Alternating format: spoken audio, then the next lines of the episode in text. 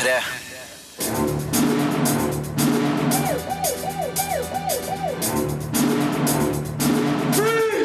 Filmpolitiet! What's your name, dude? Birger Vestmo. What kind of stupid name is that? Avengers Age of Ultron er morsom og underholdende, men man blir litt koko i hodet av den. Jeg anmelder filmen, og du får møte regissør Joss Whedon. It was a terrible idea to try and put all these people in one movie, and I regret it, and I have for about two years running. This one was was as hard as it gets, just to make sure that everybody not just had their moment, but was part of the driving the narrative in some way. Andre premierefilmer skal også anmeldes. 'Mannen som reddet Paris', 'Jordens salt' og dokumentaren 'Cobain', montasje of Hekk. I tillegg har vi sterke nyheter fra film- og seriefronten, annet en sjokknyhet for fans av Grace Anatomy.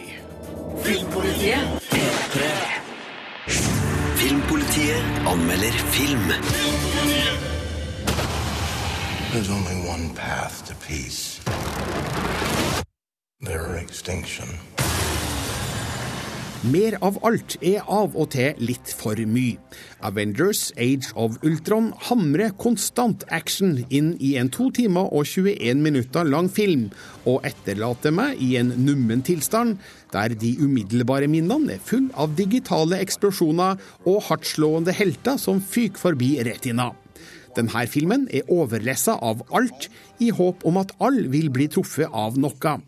Og det er mange ting som morer, underholder og imponerer, samtidig som det ligger en interessant tematikk bak. Men man blir litt ko-ko i hodet av det. Tried to create a suit of armor around the world. But I created something terrible. Artificial intelligence. Utgangspunktet for filmen er det her. Avengers-gjengen, Iron Man, Thor, Captain America, Black Widow, Hulk og Hawkeye får tak i Lokes septer. Tony Stark og Bruce Banner vil bruke septerets kraft til å skape Ultron, en kunstig intelligens som skal avlaste Avengers og sikre fred. Men noe går galt, og plutselig må Avengers kjempe mot Ultron for å unngå jordas undergang. So. Filmen kaster oss rett inn i en heseblesende actionsekvens i en østeuropeisk skog, som legger lista for resten av filmen. Regissør Joss Whedon og hans stab, som ifølge rulleteksten teller om lag 4000 personer, bruker enhver anledning til å skape så mye smell som mulig i hver eneste filmrute. Ofte resulterer det her i halsbrekkende action, som oftest av den åpenbart digitale varianten, men like ofte er det så mye informasjon som formidles at man bare rekker å registrere halvparten. Mange wow-øyeblikk drukner i de neste 20 wow-øyeblikkene. Everyone creates the thing they dread. Ultron in the flesh. Heldigvis er det dyktige skuespillere som fyller rollene, og de bruker de få vinduene de har til rådighet til å gi figurene emosjonell dybde. Særlig utforskes forholdet mellom Black Widow og Hulk videre, samtidig som vi får innsikt i Hawkeyes private sfære. Figurene må òg takle situasjoner der de må innse at de ikke bare er en del av løsninga, men også problemet. Regissør Joss Whedon veksler effektivt mellom storslått helteaction og mer intim figurutvikling. The end. The end Marvel befester sitt verdensherredømme som leverandør av de aller største superheltfilmene. Publikum får det de kommer for å se. Spørsmålet er bare om de får en overdose. Avengers Age of Ultron forsøker nemlig å gjøre alt samtidig, og det hender jeg tenker den kun har gjort mindre og vært bedre. Men denne filmen var aldri ment å være et intimt lite kammerdrama. Det her er en eneste lang popkornfest.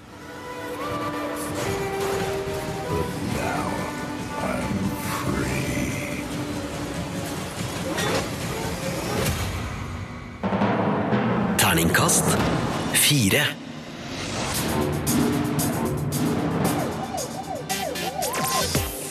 Joss Whedon er mest kjent for TV-seriene Buffy the Vampire Slayer, Angel, Han uh, har vært med på Firefly og filmversjon Serenity, og nå da, de siste åra mest kjent uh, som regissør av uh, The Avengers, og nå Avengers Age of Ultron.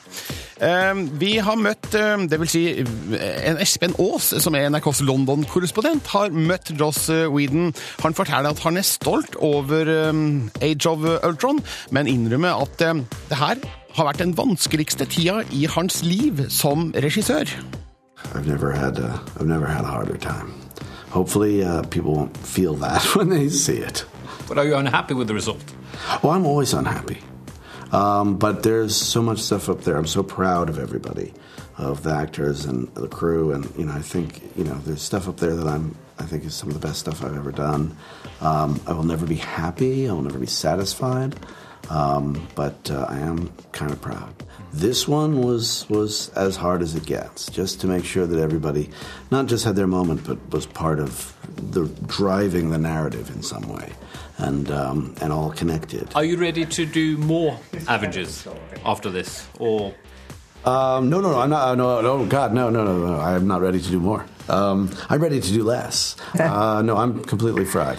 I gave, I gave everything to this. Um, I'm proud of that because, um, uh, you know, I, I usually have it one part of my brain thinking about the next thing, and unlike the Marvel team, I don't this time. This is it, and um, and and now I'm I'm just sort of looking at, if not a blank space, a blank page, which is kind of exciting. at the same time as all these Marvel films coming out, you also see DC Comics kind of doing the same thing. Um, Yeah, right.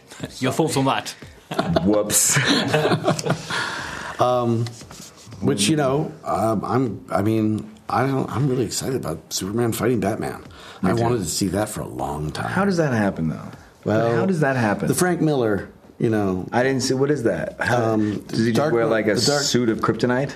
Slightly yes. That's he, what it he, is? He he he, he It's amps it up. kryptonite based, though. He's amped it up. There, I think it was a kryptonite element, but uh, he basically, yeah, he, he gets ready. He gets ready for the guy. He knows. That's his whole thing. He's like Tony Stark. He's an inventor. We should be talking about DC more, right? This is a good press job. Yeah, yeah. All right. What else about him? You know what, Scott Pilgrim? He's terrific. You know, because he's got all these girlfriends, but he's kind of a dork. Du hørte regissør Joss Whedon og også litt av Captain America-stjerna Chris Evans, som var i tullehumør da NRKs eh, Espen Aas møtte dem før verdenspremieren på Avengers Age of Ultron denne uka. Og skal vi tro Whedon, blir det noen andre som tar roret på neste storfilm om superheltlaget. Filmpolitiet. På P3. Her handler det om Avengers Age of Ultron, som hadde verdenspremiere på onsdag, altså i forgårs, hele ti dager før USA, så her er Norge og Europa ganske tidlig ut, og det er jo kult. Avengers er altså full av superhelter. En av dem er Hulk, som heter Bruce Banner når han er menneske, Hulk når han blir en stor, grønn, sint kjempe. Han spilles av Mark Ruffalo, som da må finne seg i å være CGI-animert store deler av tida. Han eh, sier til NRKs Espen Aas at datagrafikk gir skuespillere helt nye muligheter. Det er faktisk litt som teater. Uh, it's hard. It's it's it's a whole new frontier performance, and it's completely driven by imagination. And so, I I liken it to more to theater than to filmmaking in a strange way. And um, I look forward. I, I found it to be a really interesting collaboration between myself and the and the you know visual effects people. I think Banner, I'm I know better because I've been I spend more time as Banner in a strange way. But Hulk is this whole new character that I I feel like I, I hope uh, if we move forward to get to explore. Uh, It's pretty limitless where you can go now. Uh, I'm no, you know, you're no longer mm, confined to this body or way you look or your size, the way you move. Now you have this whole whatever you can imagine, you can create, and you can imbue it with a performance, and that's exciting. Det sa Mark Ruffalo, som altså spiller Bruce Banner-Hulk i Avengers Age of Ultron. Et nytt bekjentskap i eh, den filmen er mm, Aaron Taylor Johnson, som spiller Pietro Maximoff slash Quicksilver, som jo er en figur som stammer fra X-Men-universet. Han forteller om hvordan det- var å ta over en eh, X-Men-figur. It didn't really. No, I mean, firstly, it was because it was a different era. I think you know, ultimately, um, by the time we started, the look came out and we were very different. So we was happy with that. And then, um, ultimately, to be honest, they, they they didn't have Scarlet Witch, and without Scarlet Witch, you don't really get a good sense of Quicksilver because they're twins, and you only ever see them drawn together, and they're very close, and they're very intimate, and holding hands, and you know, and and and. and and they look at she she's nurture she nurtures him and, and he's like very protective over her and um, and um, you know and they're from the sort of Eastern European place so we did added that kind of sound and accent to it to uh, kind of bring that off the page. So I feel like we really dived into who the, those characters are from the comic books. Um, that's not to take away from what what they did in X-Men because I thought it was brilliant you know I thought it was fun Det sa Arvin Taylor Johnson om forskjellen mellom X-Mens Quicksilver og den vi møter i Avengers Age of Ultron. Dette er Filmpolitiet på P3. P3.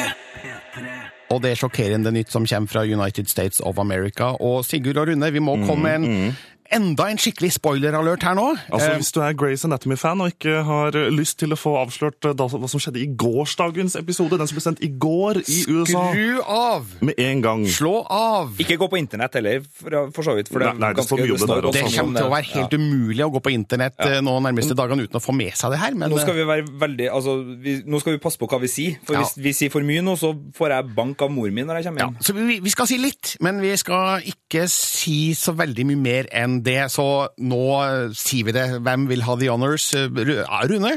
På Twitter i går nemlig så begynte det å dukke opp beskjeder av typen eh, Somebody needs to page cardio, my heart is broken.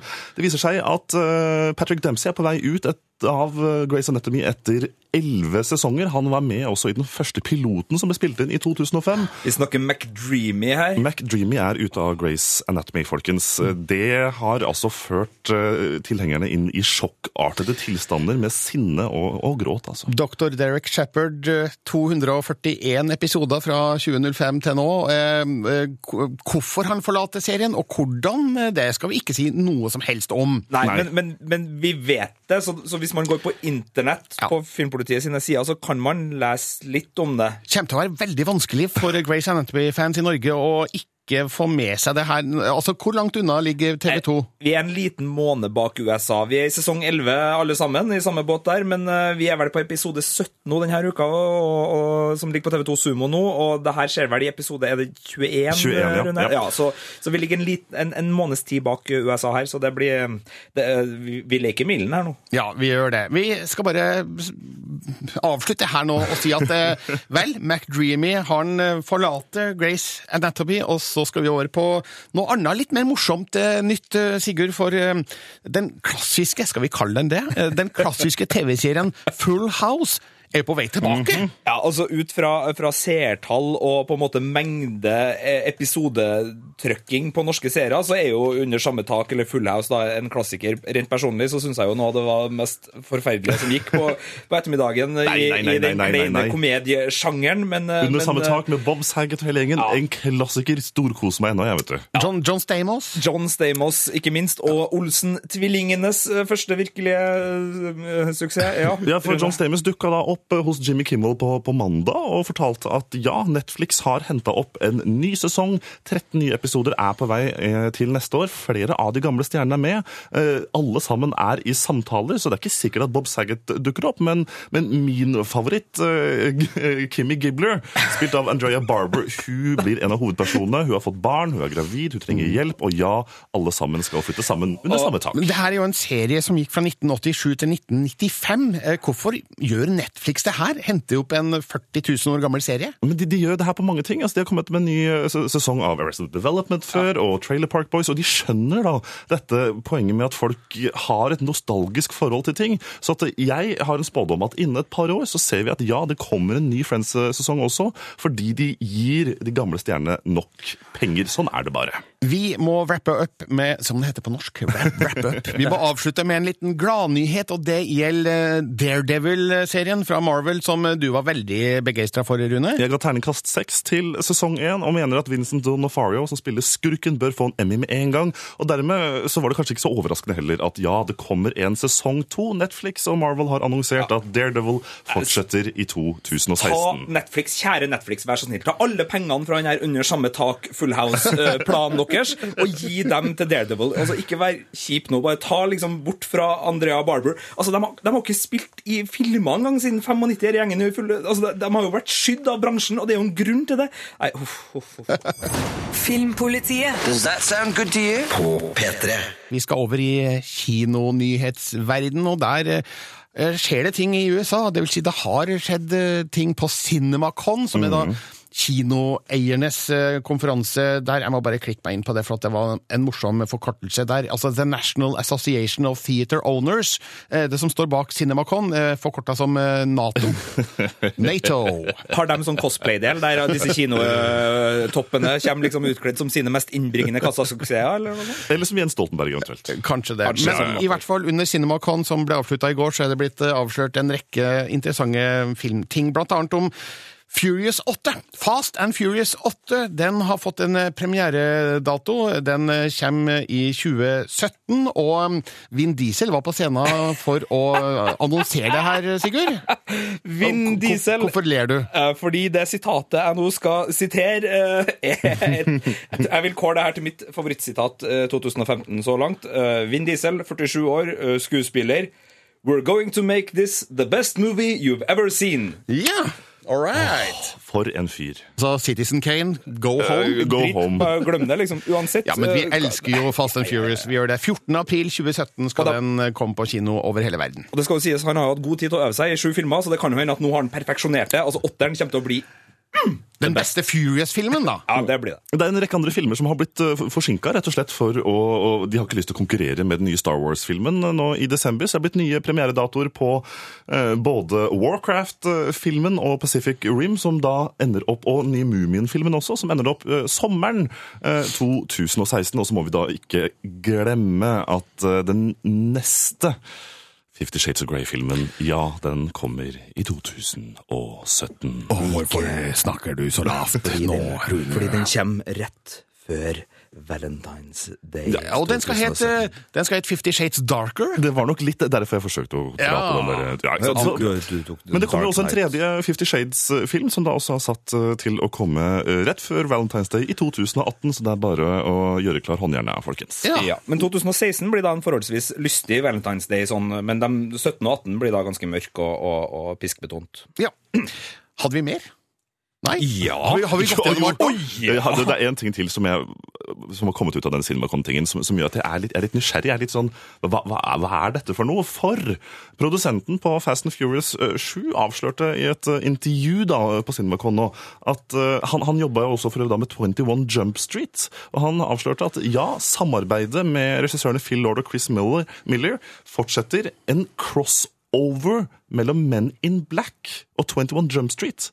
Ja, det jobber de med fortsatt. Den så jeg ikke komme. så Det er jeg så ikke rart. komme heller. Det er så rart! Det er veldig Men altså, det, merkelig. det kan bli kjempefint. kanskje fordi det er så rart, så er det potensielt veldig morsomt. For Neil Moritz han, han har da sagt uh, We're working on it. I'd love it to come. I love the idea. I love the story. And we'd love it to come if it all comes together in the right way. Og jeg må jo si, ja, vet du hva, jeg skulle gjerne sett det der, jeg, hvis det funker bra. Men hvor, skal vi ha fire stjerner? da? Skal liksom Channing Tatum, Will Smith, uh, Tommy Lee Jones uh, og- Har du hørt om Avengers? De, de, de har 70 stjerner i en film.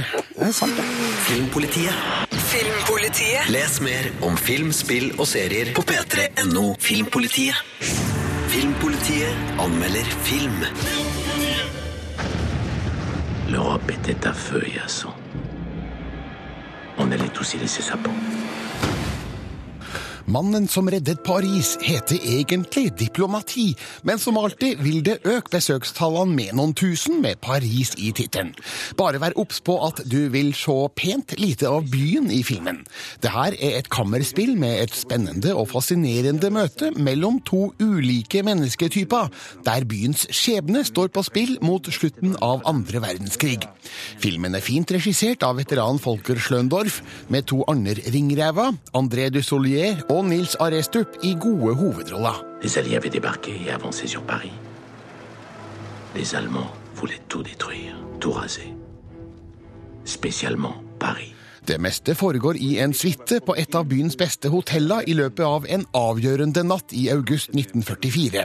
Den tyske generalen Dietrich von Scholtitz, spilt av Nils Arestrup, har fått ordre om å sprenge Paris sine bruer og viktigste monumenter, noe som vil få Seinen til å gå over sine bredder og legge store deler av byen under vann. Han blir oppsøkt av den svenske generalkonsulen Raoul Nordling, spilt av André Dussolier, som har til hensikt å forhindre det. Han innleder en samtale med Scholtitz for å få han til å nekte å følge Hitlers ordre.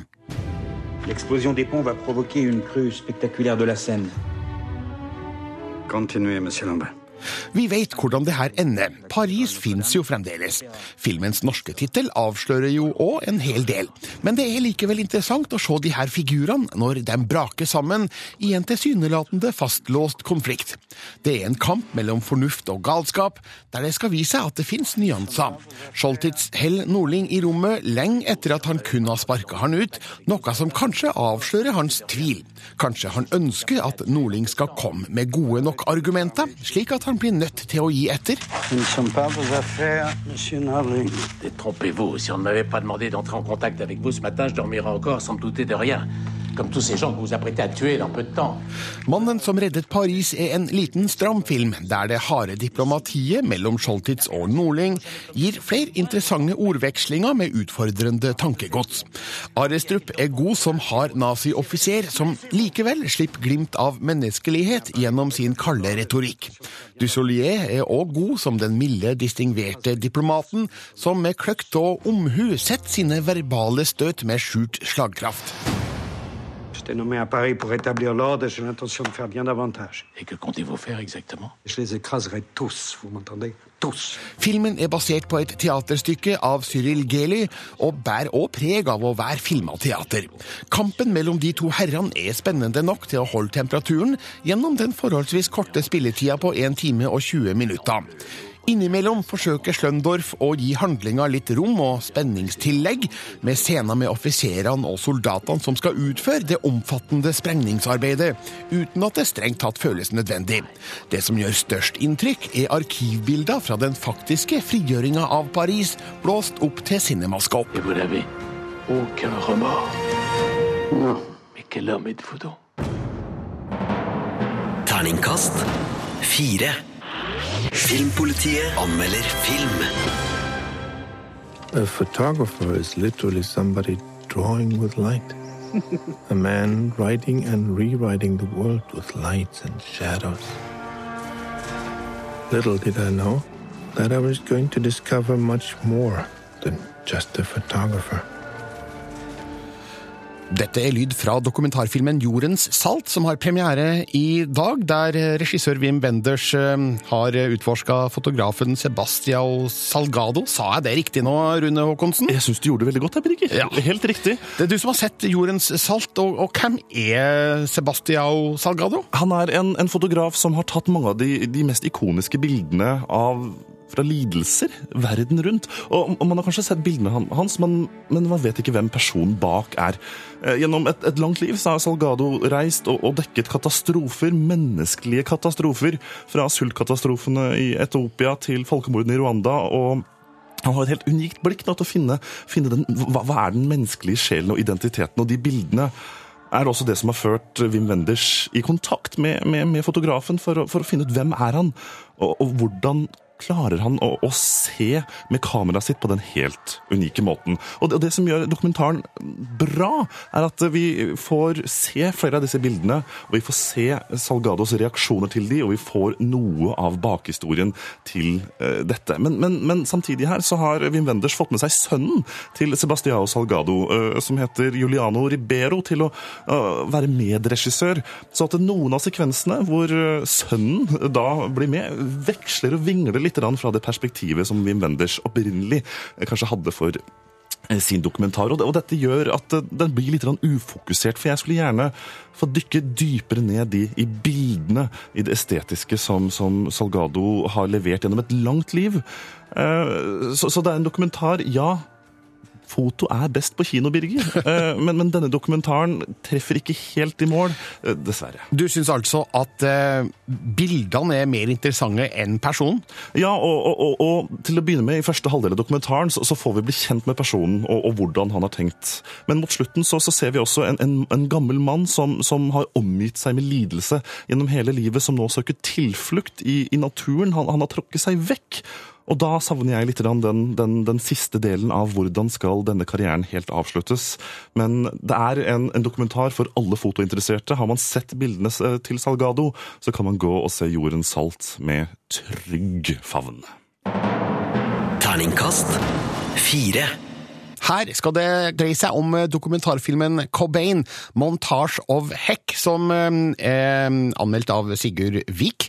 Eh, Sigurd, denne filmen har en litt spesiell eh, releaseplan i Norge, skal vi si det? det? Ja, vi må si det sånn, for det her er dessverre, og nå sier jeg dessverre for at det er en veldig god film, så har den dessverre ikke full kinopremiere over hele landet sånn med en gang, sånn som vi er vant med.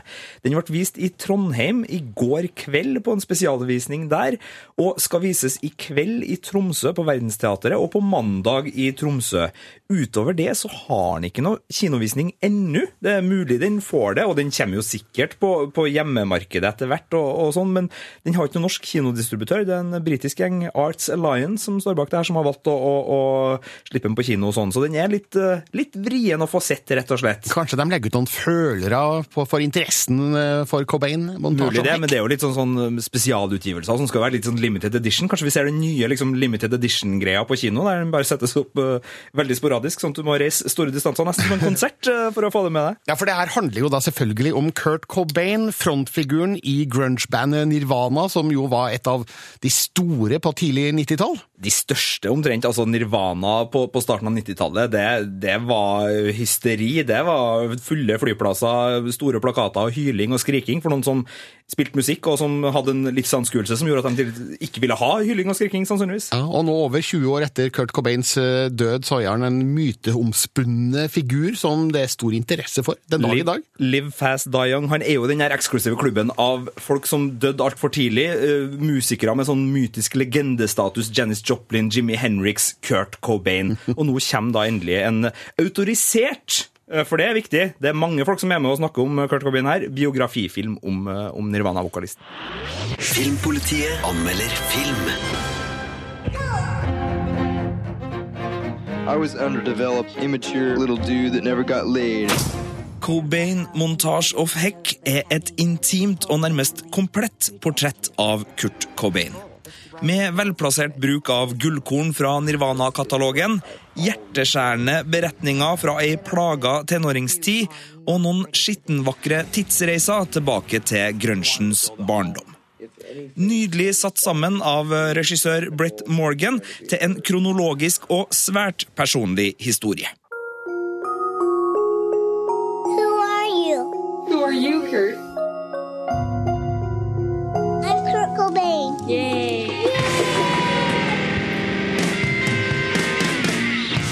Det starter med en idyllisk barndom, hvor vi får bli med på bursdager og familieselskap, men denne lykka er kortvarig for Kurt. Skilsmisse, mobbing, selvmedisinering og en stor familie der ingen vil ha gutten på gjesterommet, sender tenåringen inn i angst og selvmordsforsøk, og brukes til å forklare Kurt Cobain sin opprørstrang og redsel for å bli latterliggjort. Her serveres det noen historier med Kurt på lydsporet og tegnefilm som viser oss eh, hva som har skjedd, som er helt magevrengende vond å se på. brutalt intimt og så ærlig at vi virkelig får følelsen av at vi har ganske full tilgang til den ekte Kurt Cobain her. He was searching for whatever made him feel like he wasn't alone. Are you getting all this? Yes. Look at the camera. Filmens store styrke er at den aldri viker fra å være historia om Kurt Cobain. Dette er ikke en fortelling om Nirvana. Den stopper ikke engang opp for å fortelle oss at Dave Roll har blitt med i bandet. Trommisen er bare plutselig med. Det andre grepet som gjør dette til en musikkdokumentar av den sjeldent gode sorten, er bruken av montasjen.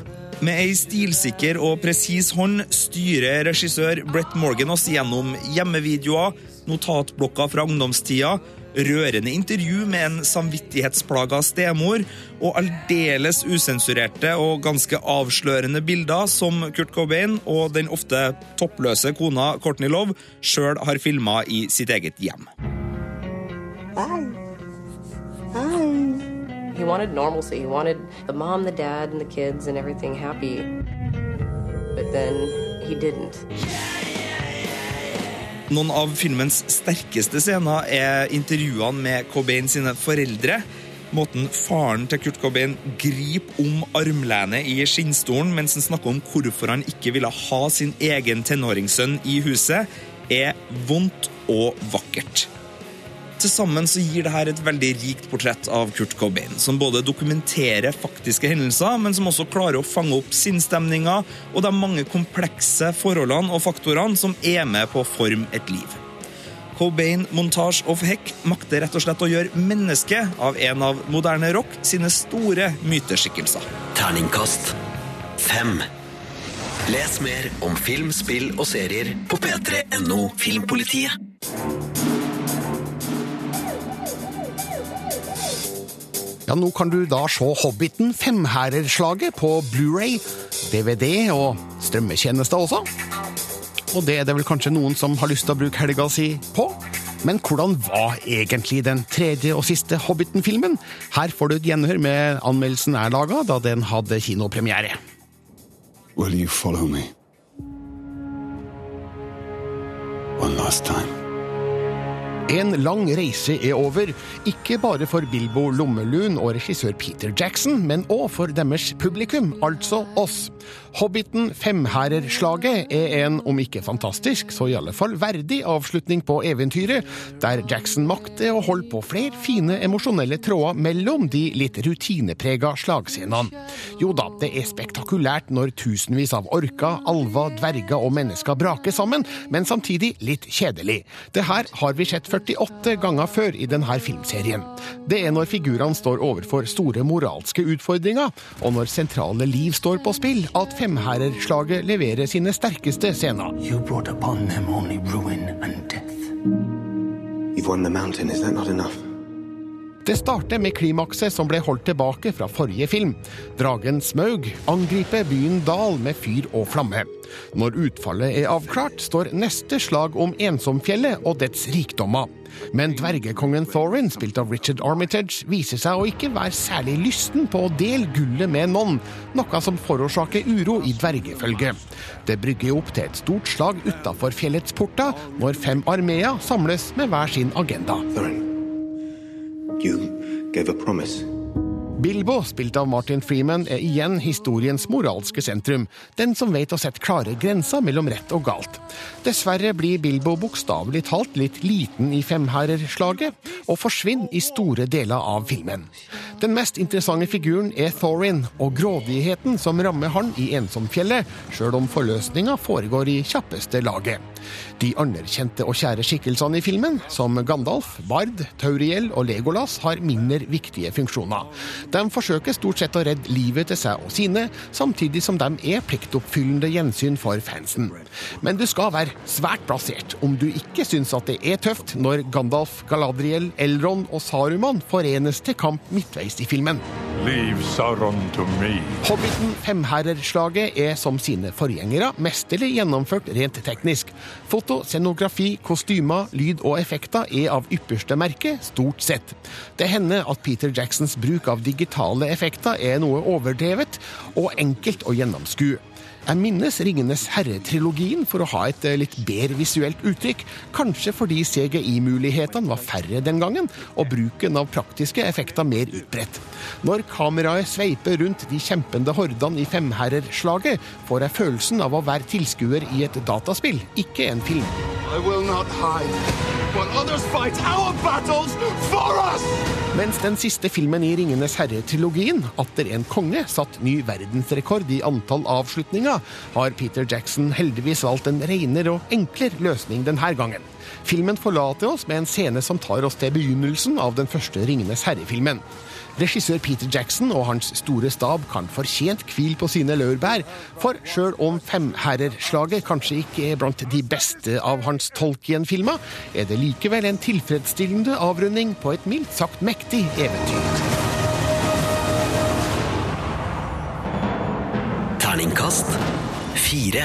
Nå kan du altså se Hobbiten Femherrerslaget på Blu-ray og DVD. Filmpolitiet Med Birger Vestmo. på P3. Hør flere podkaster på nrk.no podkast.